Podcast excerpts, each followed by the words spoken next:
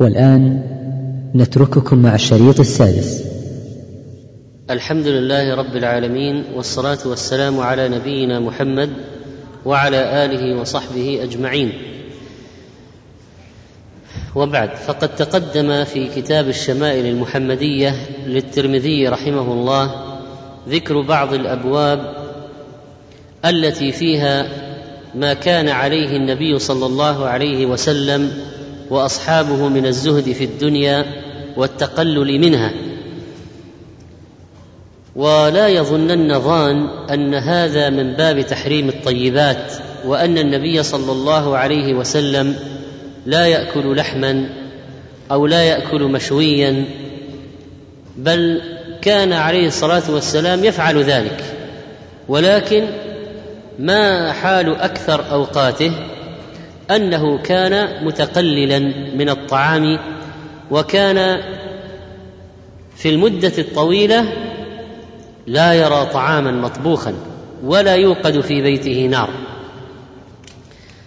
وأورد الترمذي رحمه الله تعالى أمثلة على أنه صلى الله عليه وسلم كان يأكل من الطيبات وكان ربما يحضره الطعام النفيس فيأكل منه وأن ذلك ليس بمحرم ولكن هذا لا ينافي زهده في الدنيا. فإن الحكم للأعم الأغلب وهذه أبواب تبين أنه عليه الصلاة والسلام إذا دعي أو حضره طعام من اللحم أو غيره فإنه كان يأكل منه. في باب ما جاء في إدام النبي صلى الله عليه وسلم حديث عائشة رضي الله عنها قالت كان النبي صلى الله عليه وسلم يحب الحلواء والعسل. رواه البخاري ومسلم. والحلواء اسم لا يقع إلا على ما دخلته الصنعة. فهو طعمه حلو لكنه مصنوع وليس الشيء وليس الشيء الطبيعي كبعض الثمار حلوة الطعم وإنما المقصود بالحلواء ما صنع مثل هذه الحلويات التي تعارف عليها الناس اليوم فإنها مصنوعة. قال النووي رحمه الله والمراد بالحلواء هنا كل شيء حلو وذكر العسل بعدها تنبيها أو وذكر العسل بعدها تنبيها على شرافته ومزيته وهذا من ذكر الخاص بعد العام. اذا النووي رحمه الله يفهم أن الحلوى كل شيء حلو والخطابي رحمه الله قال لا يقع إلا على المصنوع. وقال الخطابي لم يكن حبه صلى الله عليه وسلم على معنى كثرة التشهي لها وشدة نزع النفس إليها وإنما ينال منها إذا أحضرت إليه نيلا صالحا فيعلم بذلك أنها تعجبه. فهو كونه يحبها لا يعني أنه يحرص عليها ولابد أن توجد على مائدته. وأنه يقضي الوقت في البحث عنها وجلبها ويتكلف لذلك كلا. كان يحبها. إذا وجدت أكل. وإذا ما وجدت فإنه لا يتكلف. والحلواء والعسل من جملة الطيبات المذكورة في قوله تعالى كلوا من الطيبات وقال الحافظ ورحمه الله وفيه تقوية لقول من قال المراد به المستلذ من المباحات ودخل في معنى هذا كل ما يشابه الحلواء والعسل من أنواع المآكل اللذيذة. وهذا يقرر ما تقدم من أن الإنسان لا يؤاخذ على أكل الطيبات ولا يأثم على ذلك. وعن أم سلمة رضي الله عنها أنها قربت إلى رسول الله صلى الله عليه وسلم جنبا مشويا فأكل منه ثم قام إلى الصلاة وما توضأ. رواه الترمذي. والمقصود بالجنب كما قال ابن سيدة جنب الشاة شقها وجنب الإنسان شقه. وفي النهاية القطعة من الشيء يكون معظمه أو شيئا كثيرا يكون معظمه أو شيئا كثيرا منه. وقوله جنبا مشويا فأكل منه لا يعارض لا يعارض حديث أنس المتقدم من أنه صلى الله عليه وسلم ما أكل خبزا مرققا ولا شاة مسموطة حتى لقي الله. وقلنا الشاة المسموطة التي أزيل شعرها بالماء الساخن وشوي بجلده أو طبخ طبخت بجلدها. والفرق بين هذا وهذا واضح لكن يمكن أن يقال أيضا إن الشاة لم تسمط كاملة هنا أو أن أنس رضي الله عنه أخبر بما علم أخبر بما علم.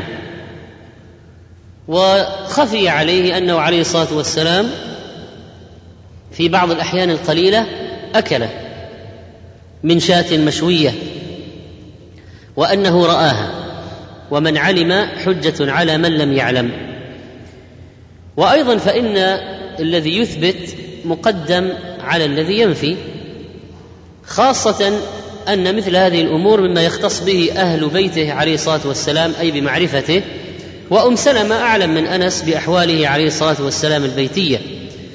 ولذلك لما سأل بعض التابعين عائشة رضي الله عنها عن مسألة تختص بالسفر مع النبي صلى الله عليه وسلم لم تجبه.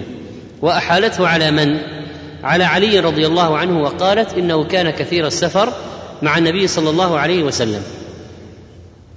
فأم سلمة أعرف من أنس رضي الله عنه بأحواله عليه الصلاة والسلام البيتية لأن كانت أكثر ملازمة للنبي صلى الله عليه وسلم داخل بيته. وقوله في الحديث قام إلى الصلاة ولم يتوضأ فيه دليل على ترك الوضوء مما مسته النار. وهذه مسألة فقهية. هل يجب الوضوء مما مسته النار؟ يعني الطعام المطبوخ الذي تعرض للنار الذي طبخ بالنار. هل يجب الوضوء منه إذا أكله الإنسان؟ كان هذا في الحقيقة حكما معمولا به في فترة من الزمن في العهد النبوي حتى جاء نسخ ذلك. فكان الوضوء مما مست النار واجبا. ثم نزل التخفيف وصار الوضوء مما مسته النار مستحبا. إلا لحم ماذا؟ الجزور والجمل لحم الإبل فإنه يجب الوضوء منه. وقد ذهب الأئمة الأربعة إلى ترك الوضوء مما مسته النار وأن الوضوء مما مسته النار مستحب وليس بواجب.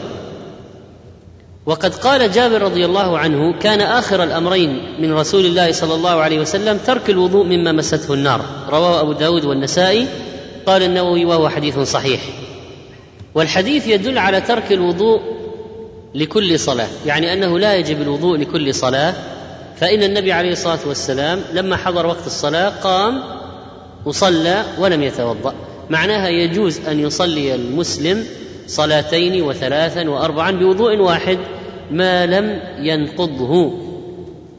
وكان الوضوء لكل صلاة واجبا في أول الإسلام ثم نسخ وبقي على الاستحباب يعني يستحب الوضوء لكل صلاة ولكن لا يجب. في فترة من الزمن كان الوضوء لكل صلاة واجبا ثم نزل التخفيف أيضا وصار الوضوء لكل صلاة مستحبا وأن الإنسان يجوز له أن يصلي صلاتين وثلاث وأربع وخمس ما شاء الله بوضوء واحد ما دام لم ينقض وضوءه. وفي الحديث خدمة المرأة لزوجها حيث أعدت له الطعام وقربته له وهذا يرجح قول من قال بخدمة بخدمة المرأة لزوجها. على أن الخلاف هو في الوجوب. هل يجب عليها أو لا يجب؟ والراجح الوجوب من مثلها لمثله بالمعروف. وفي الحديث جواز أكل أحسن الأطعمة وأن هذا لا يعارض الزهد. والنبي عليه الصلاة والسلام إمام الزاهدين ومع ذلك أكل ولم يقل لا أكل من هذا ابدا لأن هذا طعام فاخر لا أكل منه ابدا كلا. فأكل عليه الصلاة والسلام أحسن الأطعمة كاللحم المشوي وشرب من العسل وهذا يدل على أنه لم يكن يتكلف عليه الصلاة والسلام فإذا حضره شيء أكل منه ولو كان طعاما فاخرا وإلا لم يتكلفه ولم يسأل عنه ولم يطلبه. قال وعن جزء الزبيدي رضي الله عنه قال اكل مع رسول الله صلى الله عليه وسلم شواء في المسجد والحديث صححه الألباني وهذا يؤيد ما تقدم من أنه صلى الله عليه وسلم أكل اللحم المشوي والحديث فيه باللهيعة وهو سيء الحفظ وبعضهم لم يصححه لكن آه، لعل الشيخ رحمه الله صححه لروايات أخرى وردت في في الموضوع نفسه. وفي الحديث جواز الأكل في المسجد وهذا لا ينافي تعظيم المسجد لكن مشروط بما إذا لم يترتب على ذلك مفسدة. وإلا فإن العلماء نصوا على أن المساجد لا تحول إلى مطاعم وفنادق. وأنها تصبح للناس منامات وما ينامون فيها ويأكلون فيها. لكن مثل هذا مثلا في الاعتكاف مثلا المعتكف يأكل في المسجد لا حرج عليه من الأكل في المسجد. وربما تصبح مناسبة مثلا أهل الصفة أهل الصفة ما كان لهم بيوت ما كان لهم منازل ودور ما كان لهم آه، من يستضيفهم في بيته فأين ينامون؟ أين يعيشون؟ أين يسكنون؟ بالمسجد إذا هذا للحاجة. وبالطبع فإنه يوضع لهم الأكل في المسجد. وكان بعض الصحابة يأتيهم بالعذوق من الرطب ومن البسر تعلق ويأكلون منها. والحديث يدل على حسن معاشرته صلى الله عليه وسلم لأصحابه فإنه خالطهم في طعامهم وأكل معهم. لا كما يفعله بعض الناس من أنهم لا يأكلون مع الآخرين وإذا صار له منصب عالي اعتزل الناس وصار له حياة خاصة وله حجاب ولا يأكل مع أهل الحاجات ويعمل لنفسه منزلة بزعمه في كونه لا يخالط الناس. والحديث فيه نشر العلم لأن الصحابي أخبر من وراءه أنهم أكلوا في المسجد مع النبي صلى الله عليه وسلم لئلا يتحرج من هذا. ثم قال رحمه الله وعن المغيرة بن شعبة قال ضفت مع رسول الله صلى الله عليه وسلم ذات ليلة فأتي بجنب مشوي ثم أخذ الشفرة فجعل يحز فحز لي بها منه. قال فجاء بلال يؤذنه بالصلاة. فجاء بلال يؤذنه بالصلاة. فألقى الشفرة فقال ما له؟ تربت يداه. قال وكان شاربه قد وفى فقال له أقصه لك على سواك؟ أو قال قصه على سواك. ومعنى ضفت أي نزلت عليه ضيفا. قال الجوهري ضفت الرجل ضيافة إذا نزلت عليه ضيفا وفي بعض طرق الحديث بت. والشفرة السكين العظيمة وقال ابن الأثير السكين العريضة وجمعها شفار. ومعنى يحز احتز وحز أي قطع ومعنى يؤذنه يعني يعلمه ويخبره. وقول عليه الصلاة والسلام ما له أي ما لبلال عجل ولم ينتظر إلى أن أفرغ من أكل طعامي. وقوله تربت يداه من باب الملاطفة وليس المراد معنى هذا اللفظ لأن معناه الحقيقي تربت يداه يعني لصقت بالتراب من الفقر. وبالتأكيد النبي عليه الصلاة والسلام لا يريد الدعاء على أصحابه بهذا. لكن كلمة تقولها العرب ولا تريد معناها. مثل ثكلتك أمك. يعني في اللغة معناها فقدتك هذا في الأصل. لكن يريد يقولونها ولا يريدون معناها. وقال الخطابي تربت يداه كلمة تقولها العرب عند اللوم. وقوله وكان شاربه وفي رواية وكان شاربي وفى يعني كثر وطال. فقال أقصه لك على سواك؟ من الذي قال؟ شاربي وفى. من هو راوي الحديث؟ من هو راوي الحديث؟ جزء راوي الحديث الذي قبله. من هو راوي هذا الحديث؟ ها؟ يمكن محيا من الذاكرة. طيب. الراوي هو المغيرة بن شعبة رضي الله عنه هو الذي قال ضفت مع رسول الله صلى الله عليه وسلم ذات ليلة يعني نزلت عليه ضيفا وهو الذي وفى شاربه وهو الذي قال له أقص لك على سواك وفي رواية للبيهقي فوضع السواك تحت الشارب وقصه فوضع السواك تحت الشارب وقصه. ومن فوائد هذا الحديث جواز قطع اللحم بالسكين. وأما حديث لا تقطع اللحم بالسكين فإنه من صنيع الأعاجم وانهسوه فإنه أهنأ وأمرأ وفي لفظ وانهشوا بدلا من وانهسوه قال أبو داود ليس بالقوي يعني هذا حديث ليس بالقوي وقال الحافظ بن حجر رحمه الله قال شيخنا في شرح الترمذي من هو شيخه الذي شرح الترمذي؟ طيب من هو آخر الصحابة وفاة أبو الطفيل عامر ابن واثلة. هذا جواب السؤال الماضي. طيب قال ابن حجر قال شيخنا في شرح الترمذي. من هو شيخه؟ ها؟ لا. هذا كان يعيش في الأندلس وابن حجر رحمه الله في مصر. العراقي أحسنت. الحافظ العراقي رحمه الله. طيب. قال شيخنا في شرح الترمذي ولم يثبت النهي عن قطع اللحم بالسكين والحديث فيه ضيافة المتبوع للتابع وخصوصا إذا كان حديث عهد بإسلام أو حديث عهد باستقامة. فيكون من باب تأليف قلبه أن يدعى وأن يضيف. والحديث فيه حسن عشرة النبي صلى الله عليه وسلم لضيوفه وفيه أن من السنة أن لا تقام الصلاة حتى يراسل الإمام وهذه سنة مهجورة. لكن الحمد لله في مسجدنا هذا أحمد المؤذن يتصل عليه ويطبق السنة. أن من السنة أن لا تقام الصلاة حتى يراسل الإمام وهذه سنة مهجورة. فإذا كان يعلم يمكن إعلام الإمام فيراسل الإمام. ما هو الدليل من أين أخذنا هذا؟ قال فجاء بلال يؤذنه بالصلاة. يعني يقول الصلاة اقتربت الإقامة. ما هو يقيم ويحط أمام الأمر الواقع؟ لا هو يؤذنه بالصلاة اولا. والحديث هذا فيه ترك الأكل والقيام إلى الصلاة. يعني ان هذا لا بأس به. طيب ألا يخالف هذا حديث إذا حضر العشاء وأقيمت الصلاة فابدأوا بالعشاء؟ قالوا في الجمع بينهما عدة أقوال. اولا أن هذا الحديث محمول على من تاقت نفسه للطعام. أي حديث؟ إذا حضر العشاء إذا حضر العشاء ولا العشاء؟ ها؟ إذا حضر العشاء وأقيمت الصلاة فابدأوا بالعشاء.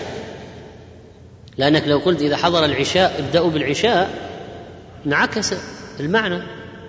عكست المعنى. إذا حضر العشاء وأقيمت الصلاة فابدأوا بالعشاء.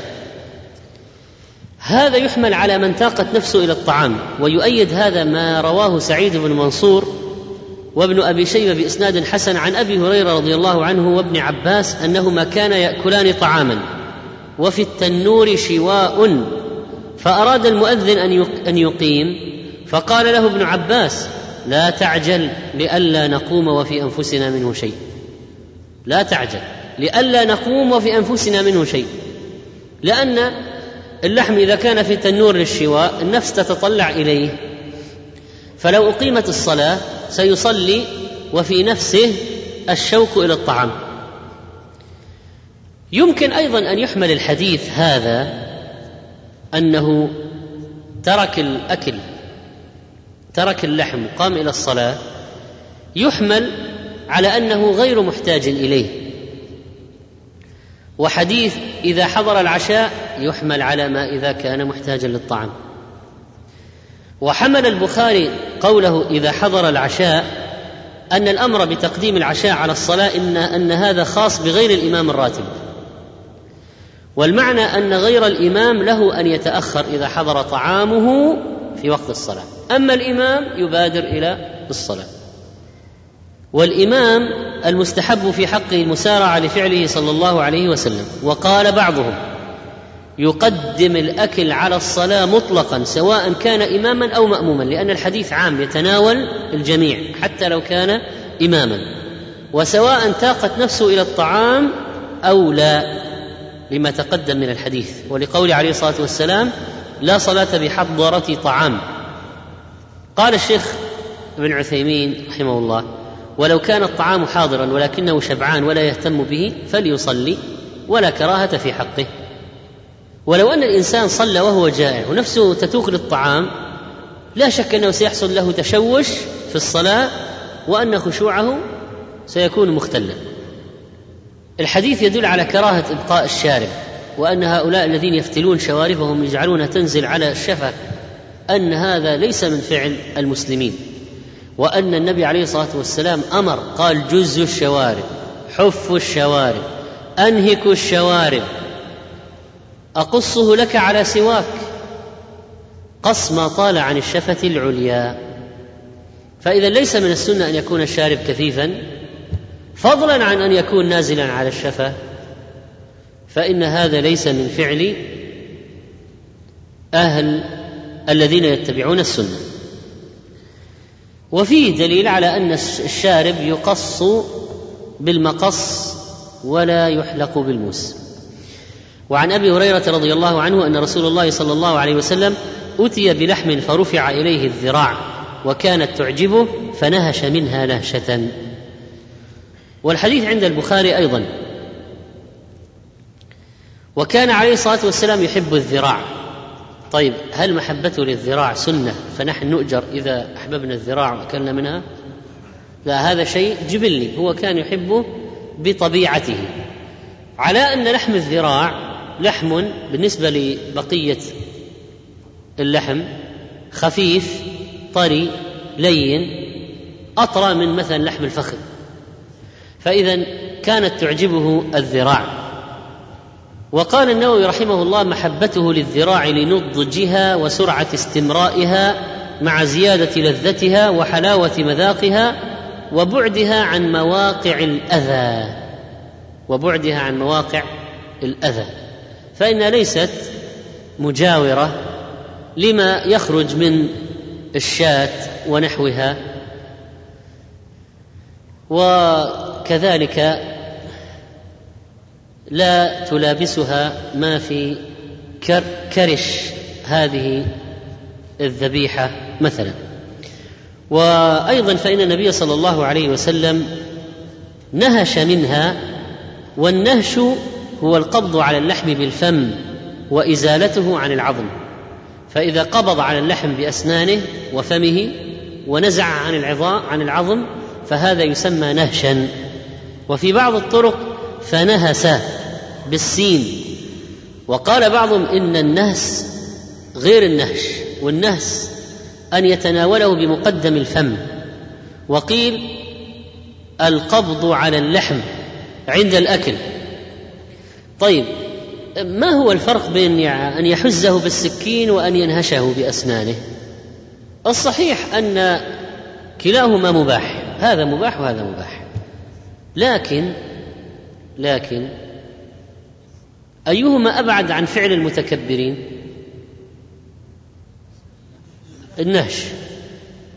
لأن أصحاب الاتيكيت اليوم لا يمكن نهش هذه غير وارد سكين وشوك. إيه. لابد من أدوات. فاستحباب قال المبارك فوي رحمه الله استحب النهش للتواضع وعدم التكبر ولأنه أهنأ وأمرأ كما جاء في حديث صفوان انهشوا اللحم نهشا فإنه أهنأ وأمرأ. وهذا الحديث ما سبق ولكن قد حسنه الحافظ رحمه الله بشواهده. وقيل إن محل الاستحباب إذا كان عند أناس لا يتقذرون بهذا فإذا كان عند أناس يتقذرون بهذا فإنه لا يفعله. وليس المقصود أنه يأخذ ينهش ينهش ثم يرد يردها في الصحفة في طعام الناس. لا. فإن كثيرا من الناس يتقذرون بهذا. ومعروف أن النهش يعلق بالمنهوش من لعاب ناهش فربما يكون هذا في ما إلى إذا كان مع أهله وأولاده ونحو ذلك. وإذا وجد أن الضيوف آه، بعضهم يتقذر من هذا فإنه يتركه مراعاة لهم وعن ابن مسعود رضي الله عنه قال كان النبي صلى الله عليه وسلم يعجبه الذراع. قال وسم في الذراع وكان يرى أن اليهود سموه. اليهود عليهم لعائن الله المتتابعة إلى يوم القيامة لأنهم يعلمون أن النبي عليه الصلاة والسلام يحب الذراع. لما أتوه بالشاة المسمومه في خيبر وضعوا السم في كل الشاة وكثروا منها كثروا من السم في في الذراع لأنهم يعلمون أنه يحب الذراع. فانظر إلى جمع اليهود للمعلومات. إن عندهم رصد رصد متابعة. يعلمون النبي عليه الصلاة والسلام يحب الذراع وكثروا السم في الذراع. والمراه اليهودية هي التي سمت هذا وقيل إنها سألت أي عضو من الشاة أحب إليه؟ قيل لها الذراع فأكثرت فيه من السم. وكان يرى أن اليهود سموه وجاء في حديث أبي هريرة أن امرأة من اليهود أهدت لرسول الله صلى الله عليه وسلم شاة مسمومة فاعتل فقال لأصحابه أمسكوا فإنها مسمومة. لكن بعد ما أكل منها عليه الصلاة والسلام وأكل بعض الصحابة. قال لها ما حملك على ذلك؟ قالت أردت إن كنت نبيا فيطلعك الله. هو الخبيثة. وإن كنت كاذبا فأريح الناس منك. فما عرض لها.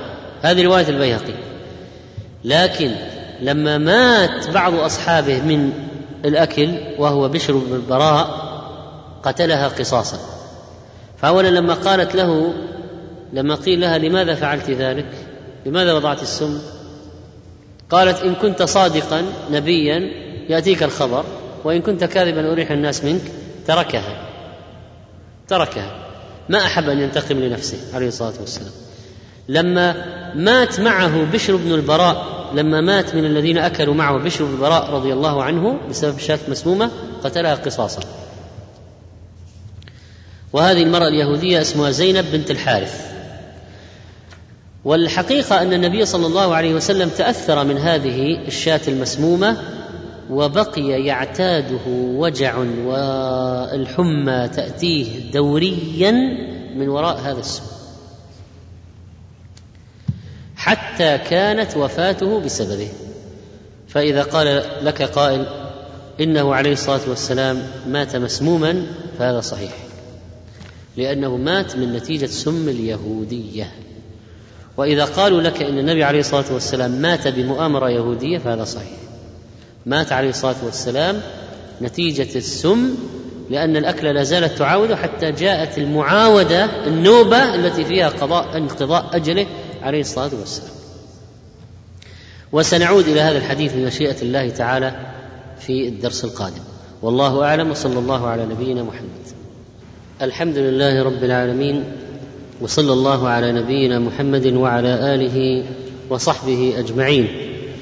وبعد فقد تقدم معنا في الشمائل المحمدية للحافظ الترمذي رحمه الله تعالى ذكر صفة النبي صلى الله عليه وسلم وذكر شيء من حاله في عيشه عليه الصلاة والسلام ومن ذلك لباسه. وجلسته ومشيته وسلاحه وحليته وطعامه صلى الله عليه وسلم.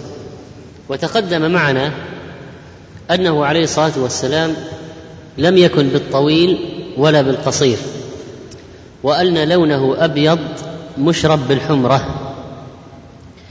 وأن وأنه صلى الله عليه وسلم كانت عينه شدة سواد في شدة بياض. وأن شعره صلى الله عليه وسلم لم يكن بالسبط كشعر الأعاجم ولا الجعد كشعر الزنج وإنما كان شعره متوسطا بينهما.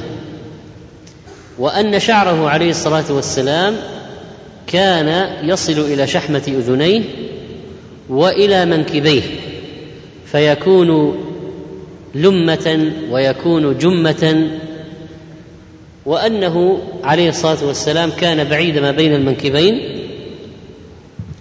وأنه كان عظيم أطراف عظيم الأصابع أصابع اليد وأن النبي عليه الصلاة والسلام مع كونه كان يمارس المهام الصعبة والخشنة إلا أن جلده كان يعود لينا كلين الحرير.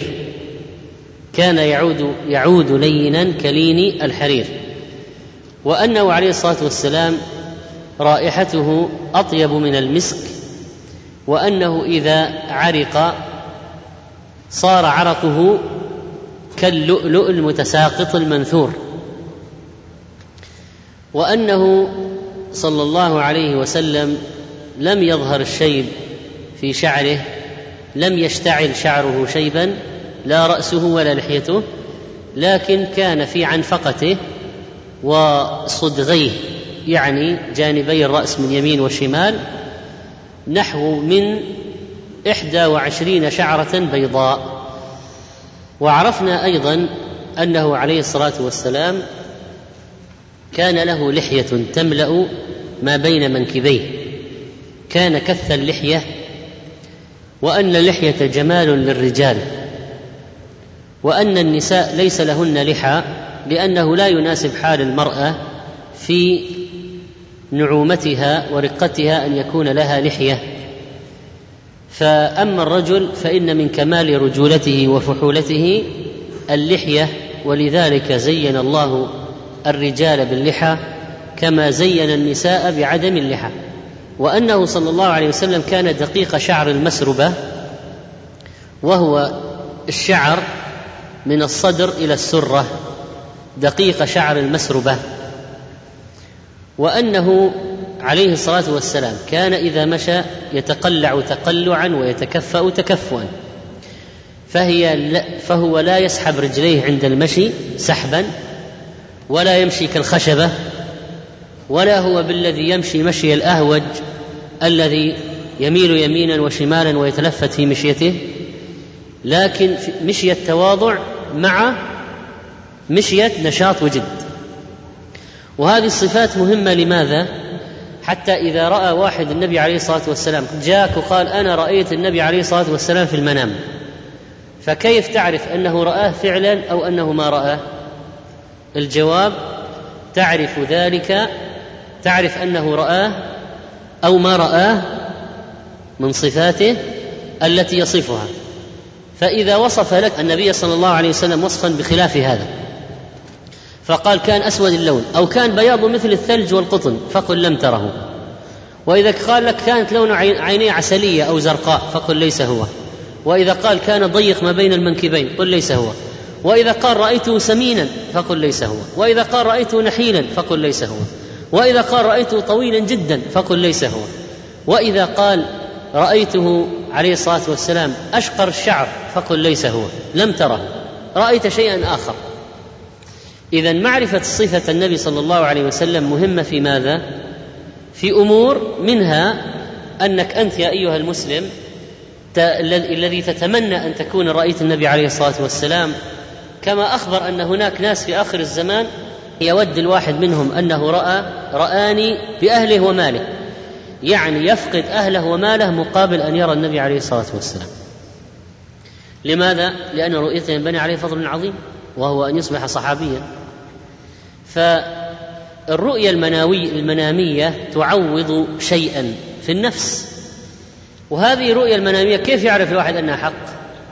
لابد أن يعرف صفته حتى يعرف أنه إذا رأى في المنام أنها حق وعرفنا أن النبي صلى الله عليه وسلم كان يتختم بالفضة وأن لديه خاتم فص منقوش عليه ثلاث كلمات في ثلاث أسطر محمد رسول الله. وأنا مكتوبة محمد رسول الله. من الأسفل هكذا.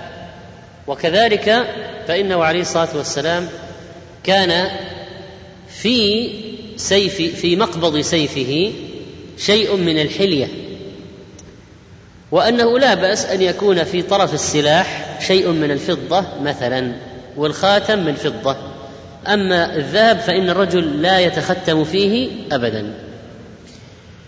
وكذلك فإننا عرفنا أيضا أن النبي صلى الله عليه وسلم كان متقللا من الدنيا زاهدا فيها وأنه عليه الصلاة والسلام كان إذا عرضت عليه الطيبات أكل منها.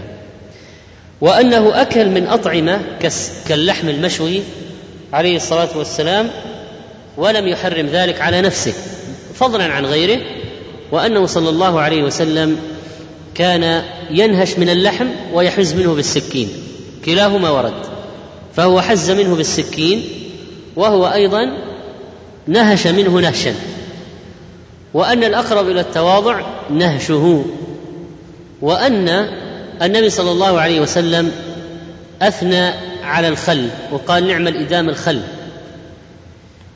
والمصنف رحمه الله عقد بابا في الإدام خاص فقال هذا الباب الذي عقده عن الإدام برقم 26 في كتاب الشمائل. وعرفنا أنه أثنى على الخل وأنه صلى الله عليه وسلم كان يأكل الخل ويأكل مع الخبز. فنقول الحمد لله والصلاة والسلام على رسول الله وبعد. قال المصنف رحمه الله تعالى باب ما جاء في إدام النبي صلى الله عليه وسلم. عن أم هانئ بنت أبي طالب قالت دخل علي رسول الله صلى الله عليه وسلم فقال أعندك شيء؟ قلت لا. فقلت لا إلا خبز يابس وخل. فقال النبي صلى الله عليه وسلم هاتي ما أقفر بيت من أدم فيه خل وصححه الألباني. ما معناه ما خلا من الإدام ولا عدم أهله الإدام ما دام أن فيه خلا وقوله نعم الإدام الخل فيه مدح للخل وقوله أعندك شيء يعني يؤكل. ففي الحديث بيان ما كان عليه الصحابة من الشدة والقلة. أم هانئ بنت أبي طالب أم هانئ بنت أبي طالب ما عندها إلا خبز يابس وخل فقط. وأنه لا حرج على الإنسان أن يسأل الطعام إذا كان جائعا. أما سؤال الاستكثار فهو المحرم. فالنبي عليه الصلاة والسلام لما قال أعندك شيء وطبعا القرابة بينه وبين هانئ بنت أبي طالب قالت لا ما عندي شيء إلا خبز يابس وخل. وفي هذا دخول النبي صلى الله عليه وسلم عليها وسؤالها. ذكر بعض أهل العلم أن للنبي صلى الله عليه وسلم خصائص من جهة النساء. خصائص من جهة النساء ليست لباقي الأمة. فمثلا جواز أن تهب المرأة نفسها للنبي صلى الله عليه وسلم. ولا يجوز لامرأة أن تهب نفسها لأي شخص, شخص آخر. أي واحد إذا أراد أن يتزوج لابد من رضا الولي والشاهدين والإيجاب والقبول. أما النبي عليه الصلاة والسلام يمكن أن يتزوج امرأة بلا ولي ولا شهود ولا إيجاب قبول وتهب امرأة النفس إليه فتكون زوجة له. وكذلك فإن له أن ينكح أكثر من أربع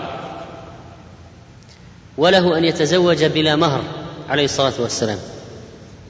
وذكر بعضهم أن من الخصائص النبوية التي تجوز للنبي صلى الله عليه وسلم جواز دخوله على المرأة وليس عندها أحد. ومع هذا كله فإن النبي صلى الله عليه وسلم كان يتوقى أمورا كثيرة في شأن النساء مع جواز أشياء له لكن كان يتوقى أمورا كثيرة. مثلا البيعة ما مست يد النبي صلى الله عليه وسلم يد امرأة قط. ما كان يصافحهن إلا كلاما. مع أن البيعة ضرب اليد باليد ولكن النساء ما بايعهن إلا كلاما. قال وعن أبي موسى الأشعري رضي الله عنه قال النبي صلى الله عليه وسلم فضل عائشة على النساء كفضل الثريد على سائر الطعام. رواه البخاري ومسلم. والثريد أن يثرد الخبز بمرق اللحم. وقد يكون معه لحم وقد لا يكون ويسمى ثريدا. قال النووي رحمه الله معنى الحديث أن فضل عائشة زائد كزيادة فضل الثريد على غيره من الأطعمة. وليس في هذا تصريح بتفضيلها على مريم وآسية لاحتمال أن يكون المراد بالتفضيل في نساء هذه الأمة. ويفهم من كلام النووي رحمه الله أن فضل عائشة زائد على خديجة وفاطمة لكن ليس في كلامه التصريح بذلك. وقال الحافظ ابن حجر في فضل عائشة لا يستلزم ثبوت الأفضلية المطلقة. وقد أشار ابن حبان إلى أن أفضليتها التي يدل عليها هذا الحديث. ما هو هذا الحديث؟ ما هو الحديث؟ فضل عائشة على النساء كفضل الثريد على سائر الطعام. وقد أشار ابن حبان إلى أن أفضليتها التي يدل عليها هذا الحديث وغيره مقيدة. الذي. التي يدل عليها هذا الحديث.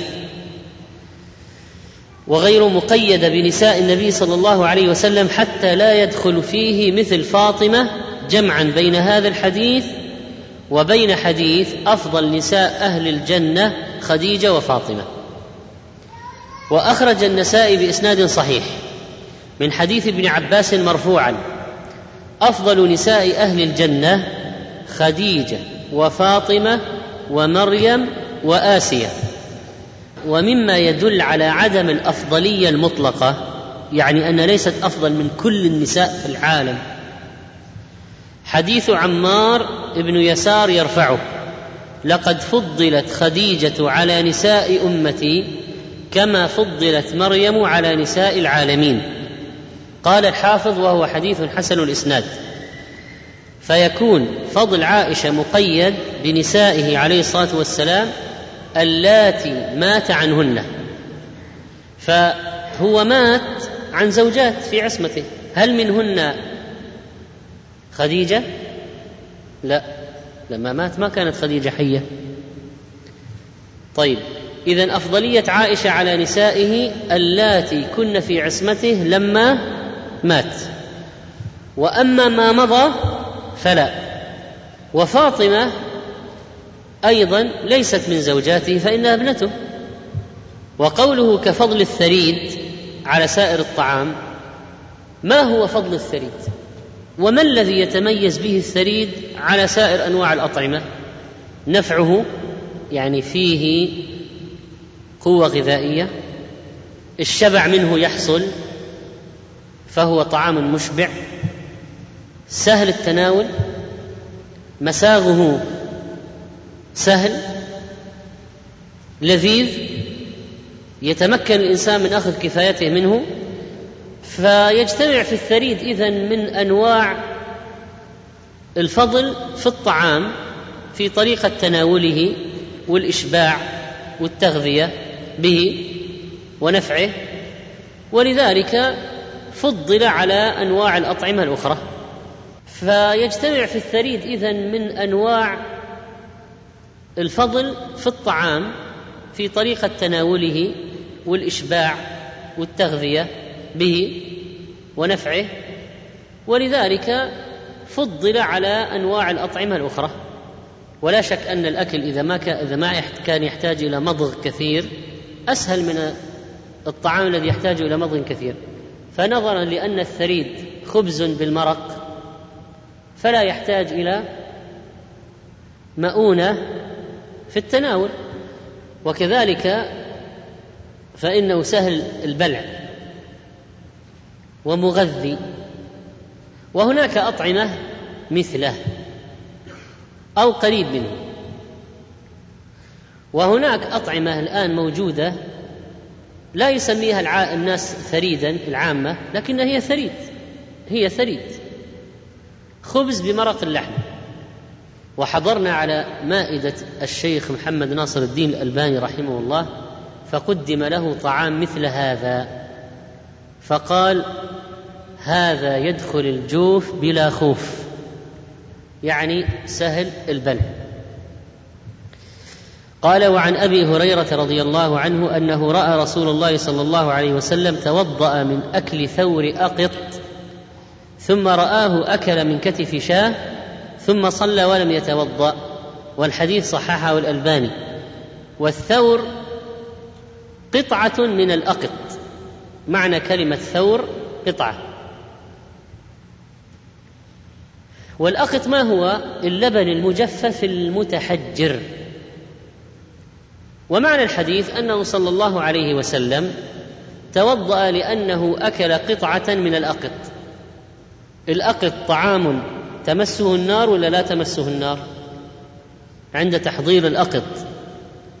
تمسه النار ولا ما تمسه النار؟ هو من اللي أصلا يصنع. ما الذي شهد صناعة الأقط؟ وقوله ثم رآه أكل من كتف شاة ثم صلى ولم يتوضأ. هذا يحسم الموضوع. يعني أنه لا يجب الوضوء مما مست النار. فإنه كان في مرحلة من المراحل في العهد النبوي في فترة معينة يجب الوضوء مما مست النار. أي طبخ أي شيء طبخ مسته النار يجب أن يتوضأ منه إذا أكل. ثم نزل نسخ هذا وصار الوضوء مما مسته النار مستحب إلا لحم الإبل فإنه يجب الوضوء منه.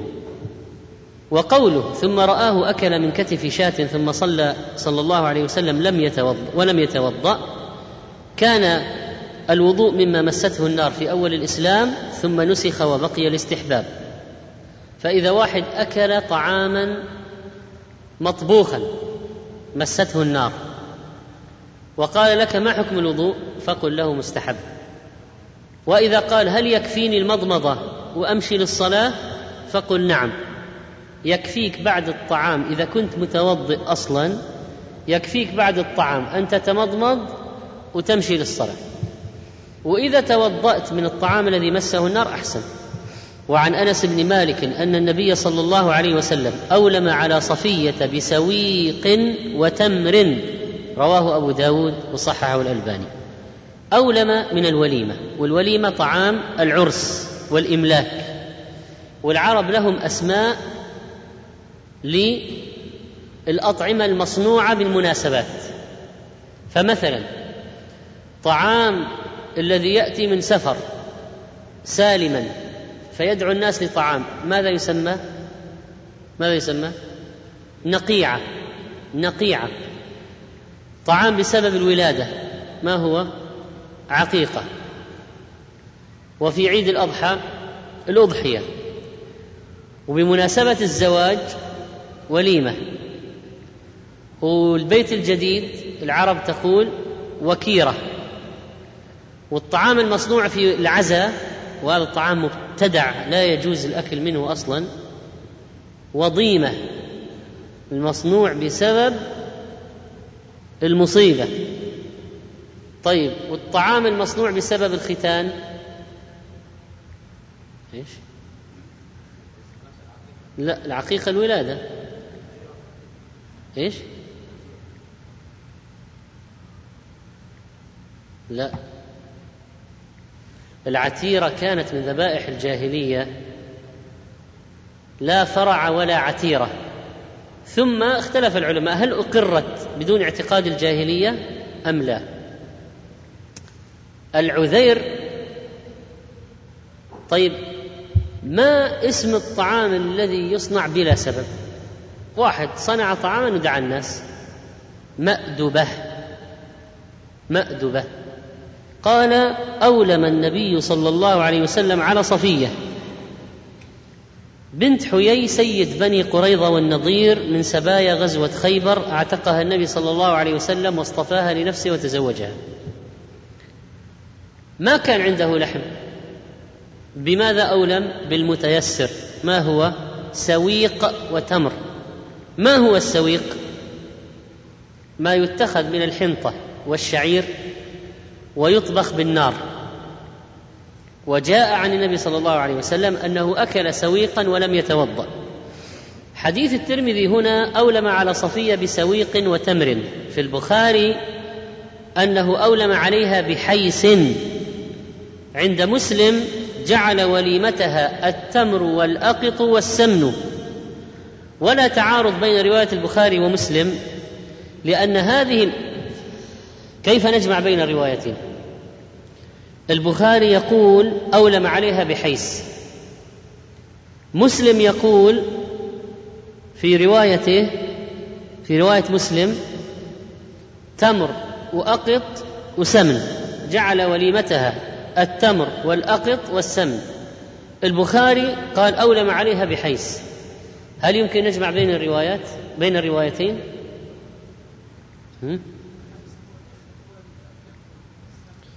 أن التمر والأقط والسمن إذا خلط بعضه ببعض صار حيسا.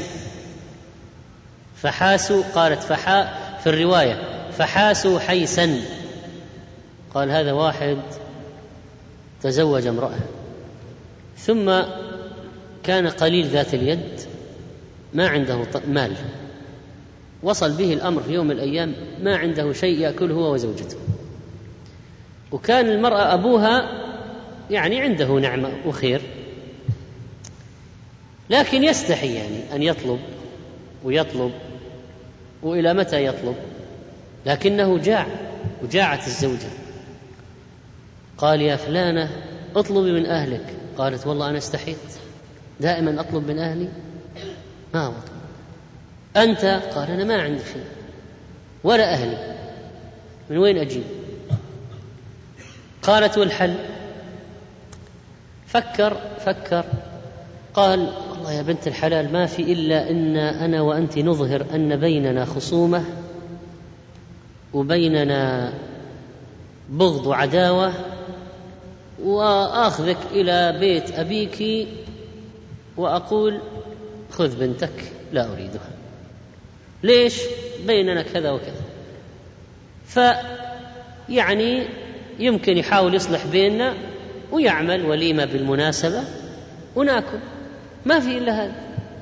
قالت طيب فذهب بها إلى بيت أبيها طرق الباب طلع أبوها قال خذ بنتك وأنا ما أبغاها وفيها وفيها و...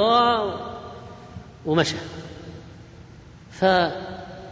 فأبوها سألها إيش القصة؟ قالت يعني والله أنا أخطيت عليه وأنا أخطيت وصار مني كذا.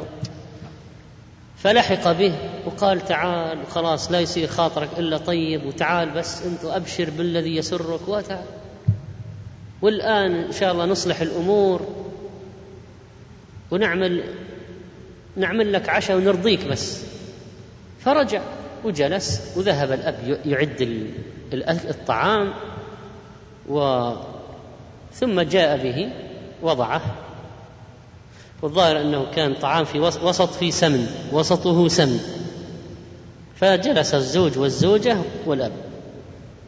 ثم الزوج هذا كيف يريد أن يصل إلى السمن؟ فقال جلس الأب قال خلاص وتفضل وأنت وهذه مناسبة ونحن أنتم أنت مثل ولدي واصطلحنا واصطلحتم.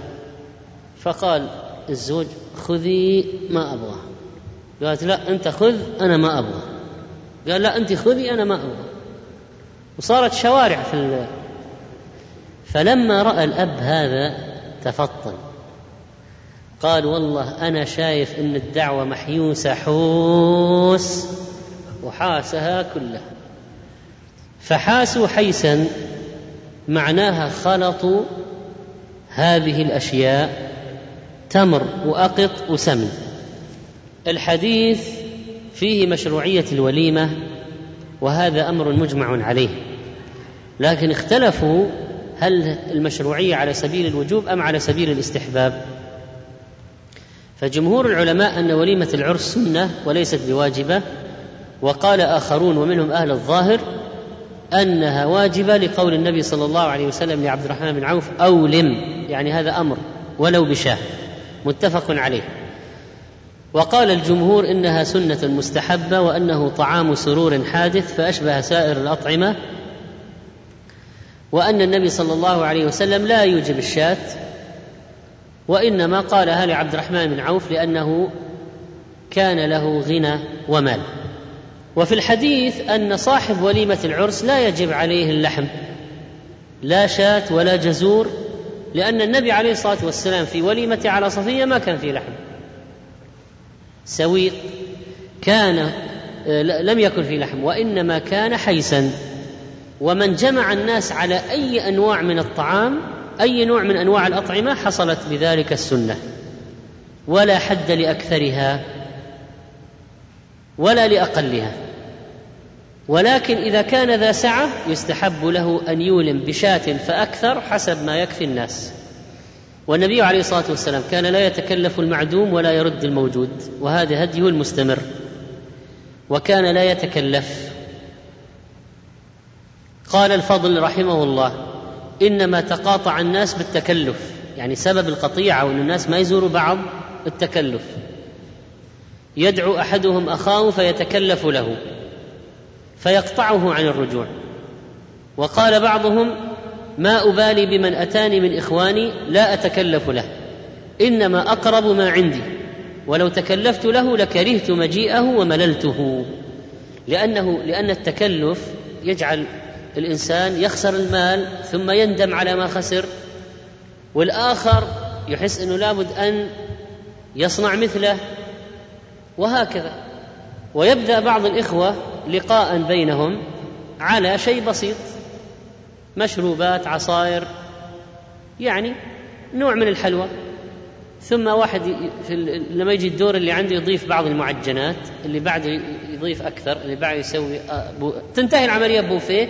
ثم يحس الواحد انه يعني إذا صارت صار الدور عنده انها كارثة في البيت في التكلفة المالية وعلى أهله وعلى الوقت والتعب فيبدأ يكره اللقاء هذا.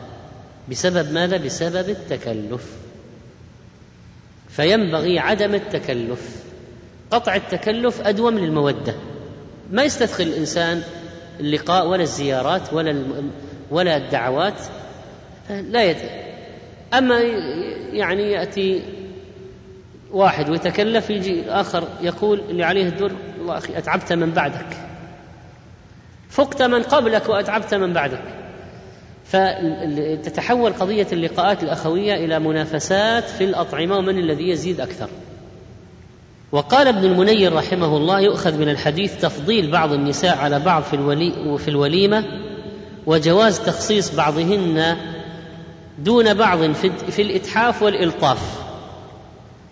طبعا هذا بناء على أن النبي صلى الله عليه وسلم أولب على زينب بشاة وعلى صفية بسويق وتمر.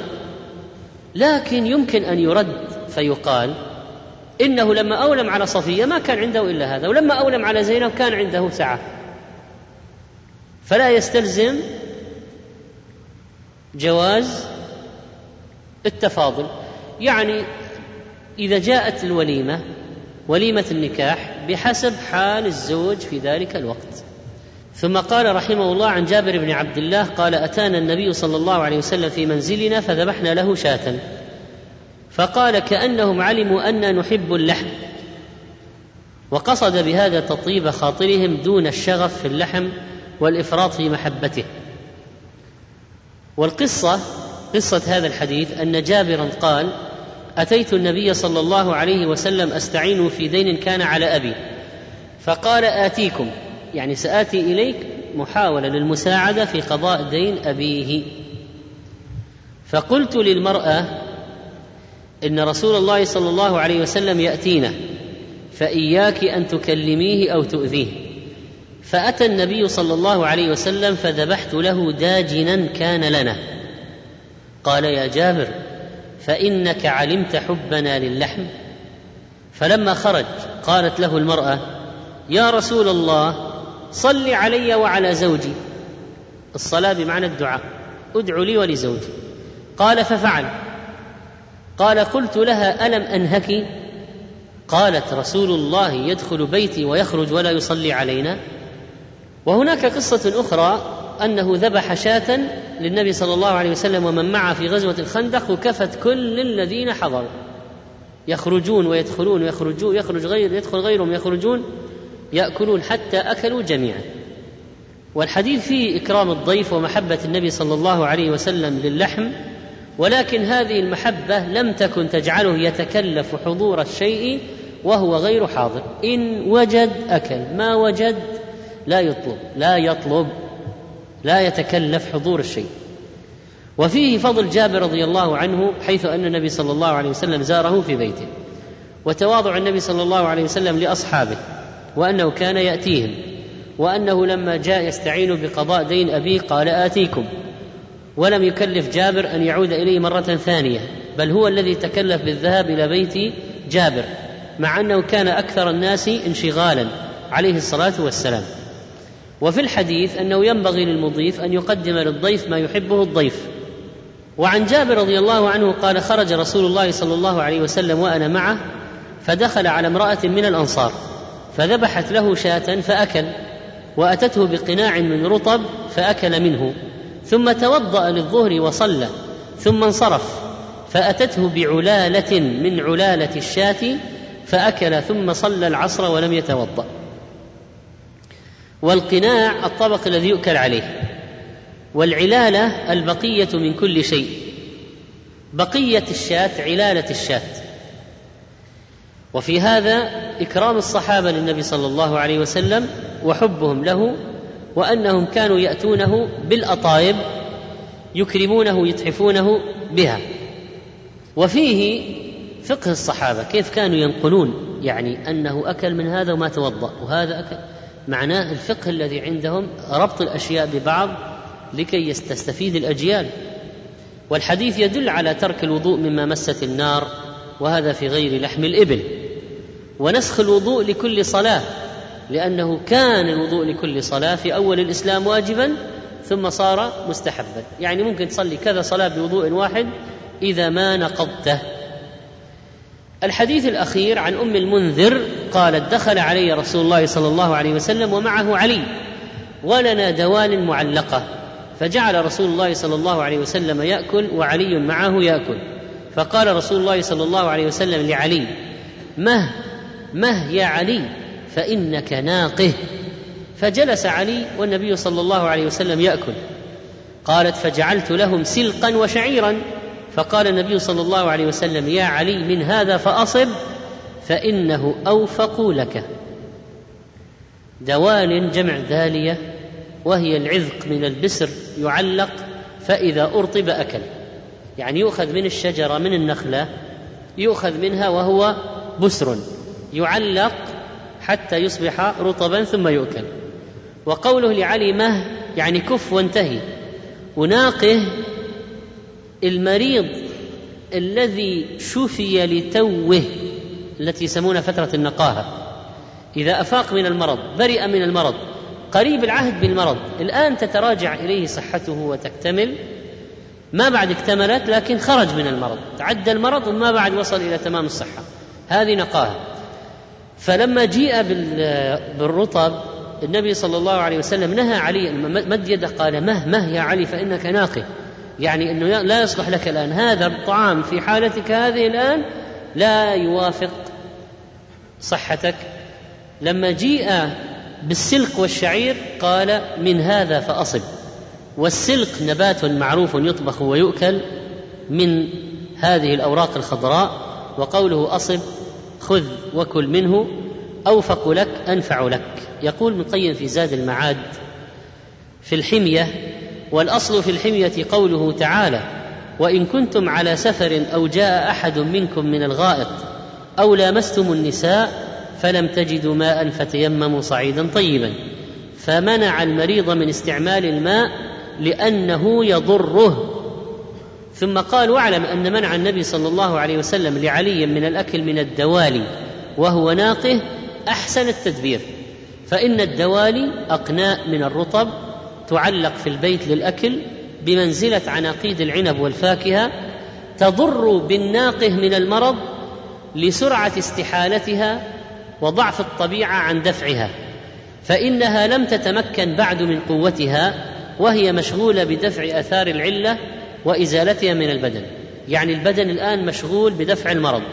فلما تورد عليه طعام يحتاج إلى طاقة معينة للهضم مثلا وجهد معين والرطب فيه شيء من الثقل على المعدة فلذلك لا يناسب. فلما وضع بين يديه السلق والشعير قال خذ منه هذا يفيد. أنفع الأغذية للناقه كما ذكر ابن القيم رحمه الله والله تعالى أعلم وصلى الله على نبينا محمد. عن عائشة أم المؤمنين قالت كان النبي صلى الله عليه وسلم يأتيني فيقول أعندك غداء؟ فأقول لا. فيقول إني صائم. قالت فأتاني يوما فقلت يا رسول الله إنه قد أهديت لنا هدية. قال وما هي؟ قالت قلت حيس. قال أما إني قد أصبحت صائما؟ قالت ثم أكل متفق عليه. والغداء هو ما يؤكل قبل الزوال وهذا بخلاف العشاء كما كان عندهم وجبتان في اليوم غداء وعشاء. وقولها حيس وهو ما يتخذ من السمن والأقط والتمر يخلط معا. وفي الحديث استحباب قبول الهدية لأن عائشة رضي الله عنها قبلتها وأقرها النبي صلى الله عليه وسلم على ذلك. وفيها فضل عائشة وغيرها من زوجات النبي صلى الله عليه وسلم حيث أنهن صبرن معه على الشدة ولما خيرهن بين الدنيا وبين الله ورسوله اخترن الله ورسوله. قال ابن كثير في تفسير قوله تعالى يا أيها النبي قل لأزواجك إن كنتن تردن الحياة الدنيا وزينتها فتعالين أمتعكن وأسرحكن سراحا جميلا. وإن كنتن تردن الله ورسوله والدار الآخرة فإن الله أعد للمحسنات منكن أجرا عظيما.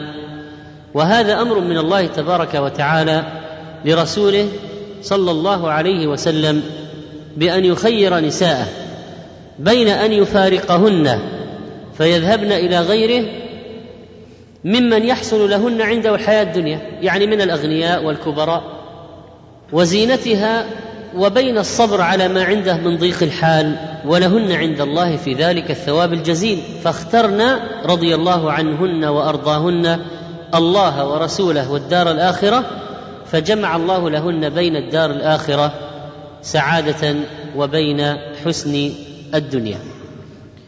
وروى الإمام أحمد عن جابر قال أقبل أبو بكر يستأذن على رسول الله صلى الله عليه وسلم والناس ببابه جلوس فلم يؤذن له.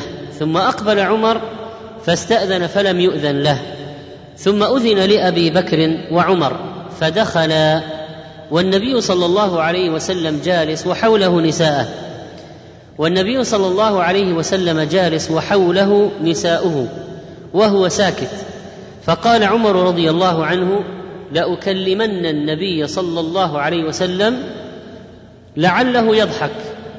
فقال عمر يا رسول الله لو رأيت بنت زيد امرأة عمر فسألتني النفقه انفا فوجأت عنقها فضحك النبي صلى الله عليه وسلم حتى بدت نواجذه.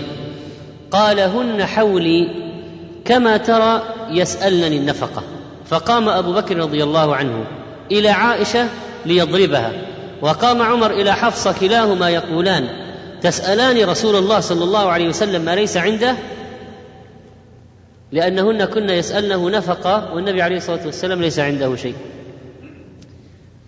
فأراد أبو كل واحدة منهن منهما أن يقوم فيعاقبها كيف تسأل رسول الله صلى الله عليه وسلم شيئا ليس عنده؟ فنهاهما رسول الله صلى الله عليه وسلم. فقلن نساؤه والله لا نسأل رسول الله صلى الله عليه وسلم بعد هذا المجلس ما ليس عنده.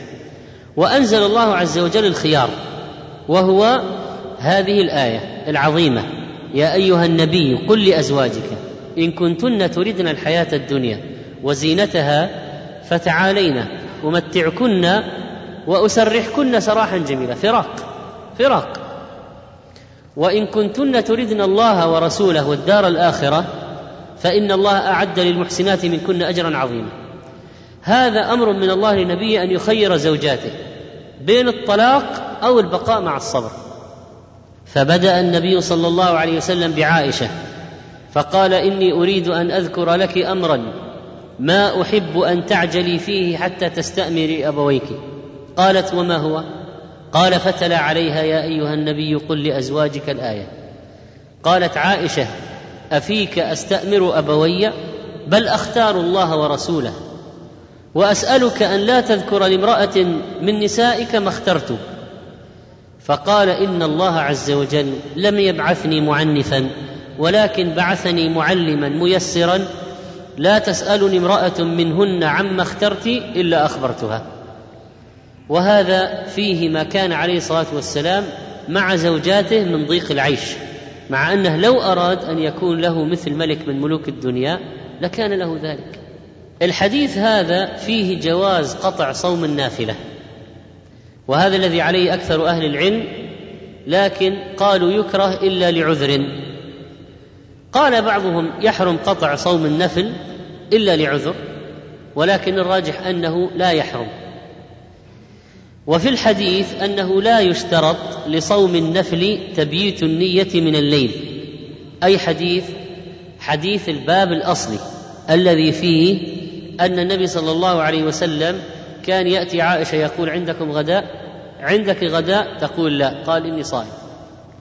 متى قال عندي غداء؟ قال لا في النهار. عندك غداء؟ في النهار. بعد ما بعد ما طلع الفجر فاذا لما قال إني صائم متى قرر الصيام؟ في النهار. إذا ما نوى من الليل. هل يجوز؟ هل تحسب؟ هل يحسب صيام نافلة بدون نية من الليل؟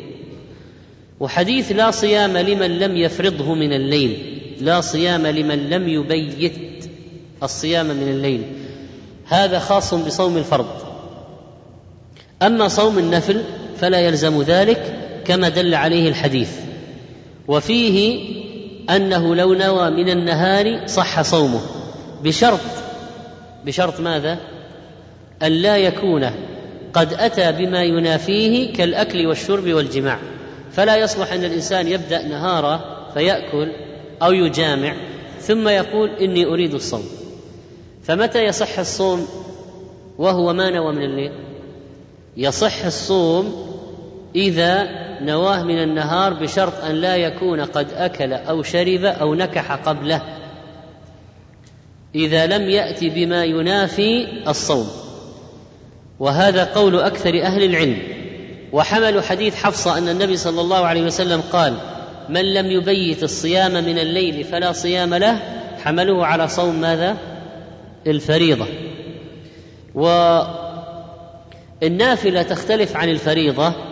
ويتسامح في النفل ما لا يتسامح في الفرض. هذه مثل القاعدة. يتسامح في النفل ما لا يتسامح في الفرض. ومما يدل على هذا أن القيام في الصلاة ركن من أركانها. لا تصح الصلاة إلا به. لقوله تعالى وقوموا لله قانتين الأصل أن هذا يشمل الفرض والنفل.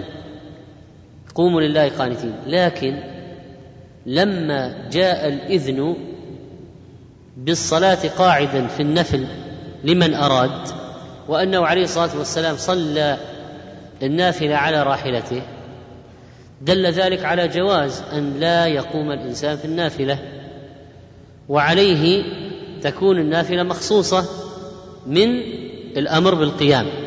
اذا القاعدة ما هي؟ يتسامح في النفل ما لا يتسامح في الفرض. وكذلك فإن النية من النهار في صيام النفل النية من النهار في صيام النفل إلى أي وقت؟ فبعضهم قال لا تصح النية بعد الزوال وحتى يصح صيام النفل لابد أن ينوي قبل الزوال.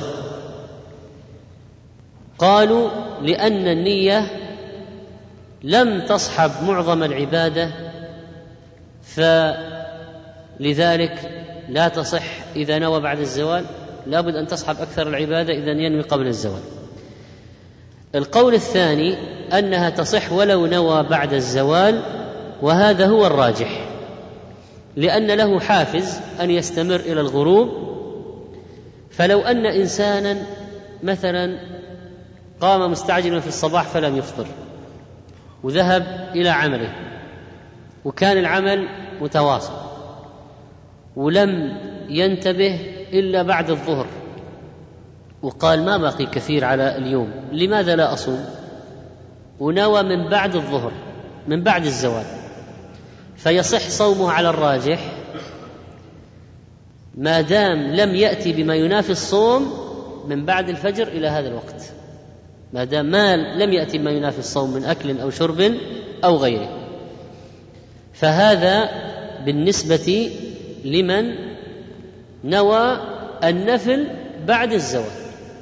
ولو أنه نام ولم يستيقظ إلا بعد الزوال فكذلك له أن يصوم نافلة بقية اليوم. لكن أجره من متى؟ هل أجره من الصباح من الفجر؟ هل أجره من الفجر إلى المغرب؟ أو يكون أجره من وقت ما نوى إلى المغرب؟ فالراجح أن أجره يكون من وقت ما نوى إلى المغرب. الذين قالوا لا بد من النية قبل الزوال قالوا أجره من, من الفجر له اليوم أجر اليوم كاملا. الذين قالوا يجوز أن ينوي بعد الزوال ويجوز أن ينوي قبل الزوال قالوا إن أجره يكون من وقت ما نوى. إنما الأعمال بالنيات وإنما لكل امرئ ما نوى. قال وعن يوسف بن عبد الله بن سلام قال رأيت النبي صلى الله عليه وسلم أخذ كسرة من خبز الشعير فوضع عليها تمره وقال هذه إدام هذه وأكل لكن هذا الحديث فيه ضعف. وهو يدل على أية حال على قناعة النبي صلى الله عليه وسلم بعيشه وتقلله منه. وعن أنس بن مالك أن رسول الله صلى الله عليه وسلم كان يعجبه الثفل. قال عبد الله ما بقي من الطعام. وصححه الألباني. والثفل ما يرسب من كل شيء أو ما يبقى من بعد العصر. من بعد العصر المقصود به بعد ما يعصر بعد عصر الشيء. وقيل ما بقي من الطعام وقيل ما بقي في القدر وهذا هو المشهور عند أهل الحديث ولعل وجه إعجابه ولعل وجه إعجابه به عليه الصلاة والسلام أنه يكون منضوجا غاية النضج وقريب من الهضم. فهو أهنأ وأمرأ الذي يكون في سفل القدر يعجبه إذا طبخت الطبخة يعجبه الثفل ما يكون في أسفل القدر لأنه يكون أنضج شيء وأهنأه وأمرأه. وكذلك فإنه يدل على أنه صلى الله عليه وسلم يدل من جهة أخرى على تواضعه فإنه يأكل ما بقي ولو كان في آخر القدر يأكل ما بقي. وأمر بلعق الأصابع ولأنه لا يدرى في أي الطعام البركة وأنه إذا سقطت اللقمة الواحد لا يتركها بل يأخذها.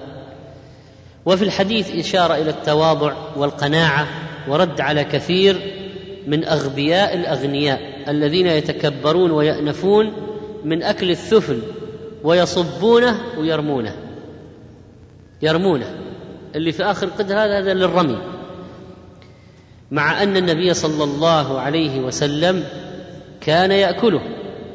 والطعام الذي عند الإنسان لا يدرى البركة أين هي منه هل هي فيما اكله أو فيما بقي أسفل القصعة أو في اللقمة الساقطة أو فيما علق من الأصابع.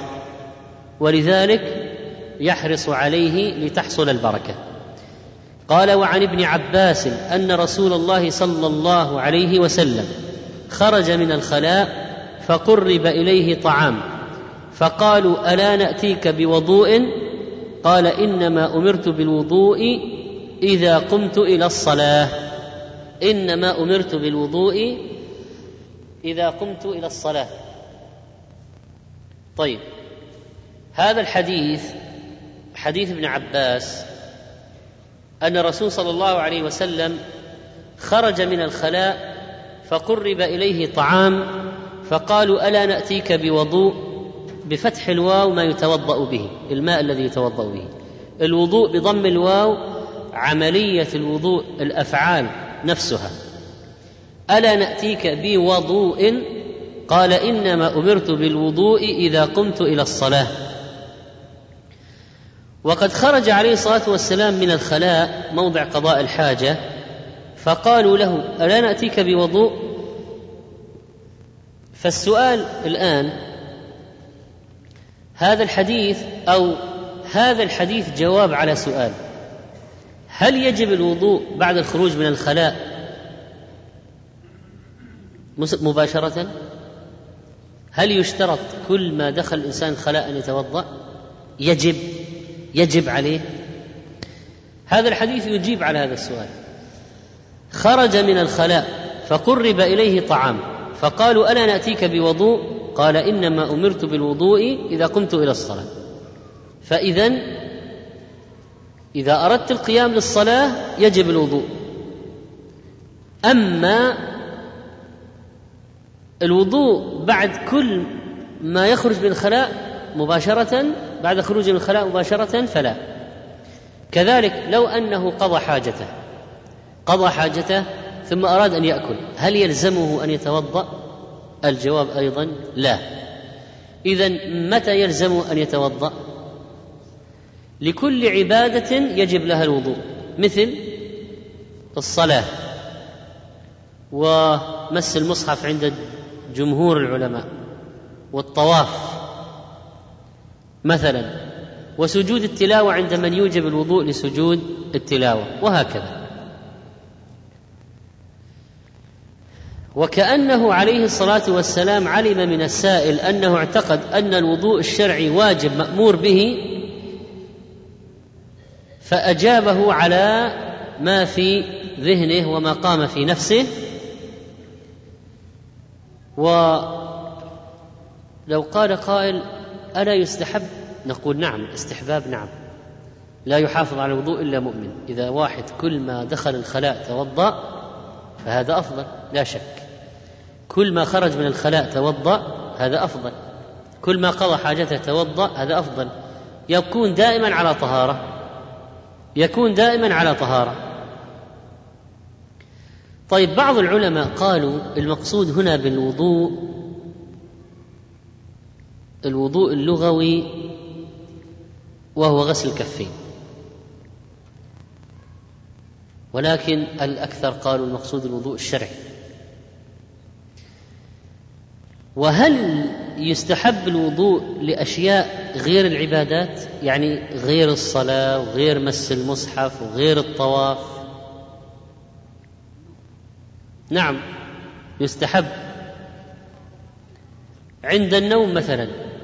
وكذلك إذا أجنب ولا يريد أن يغتسل فإنه على الأقل يتوضأ.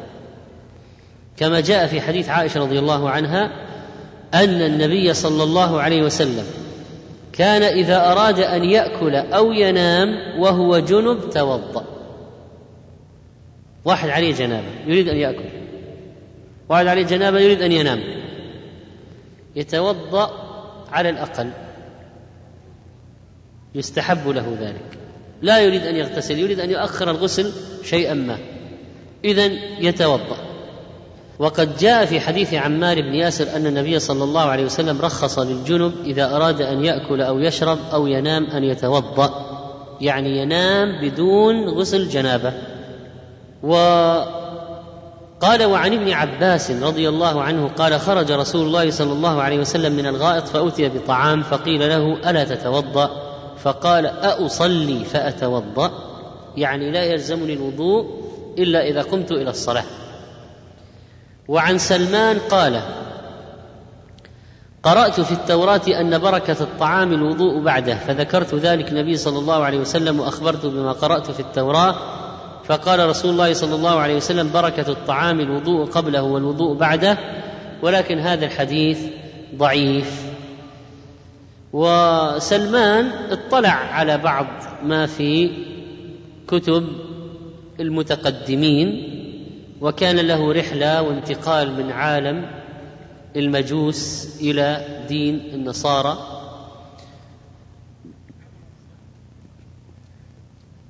قبل أن يأتي إلى أرض العرب ويسلم في المدينة.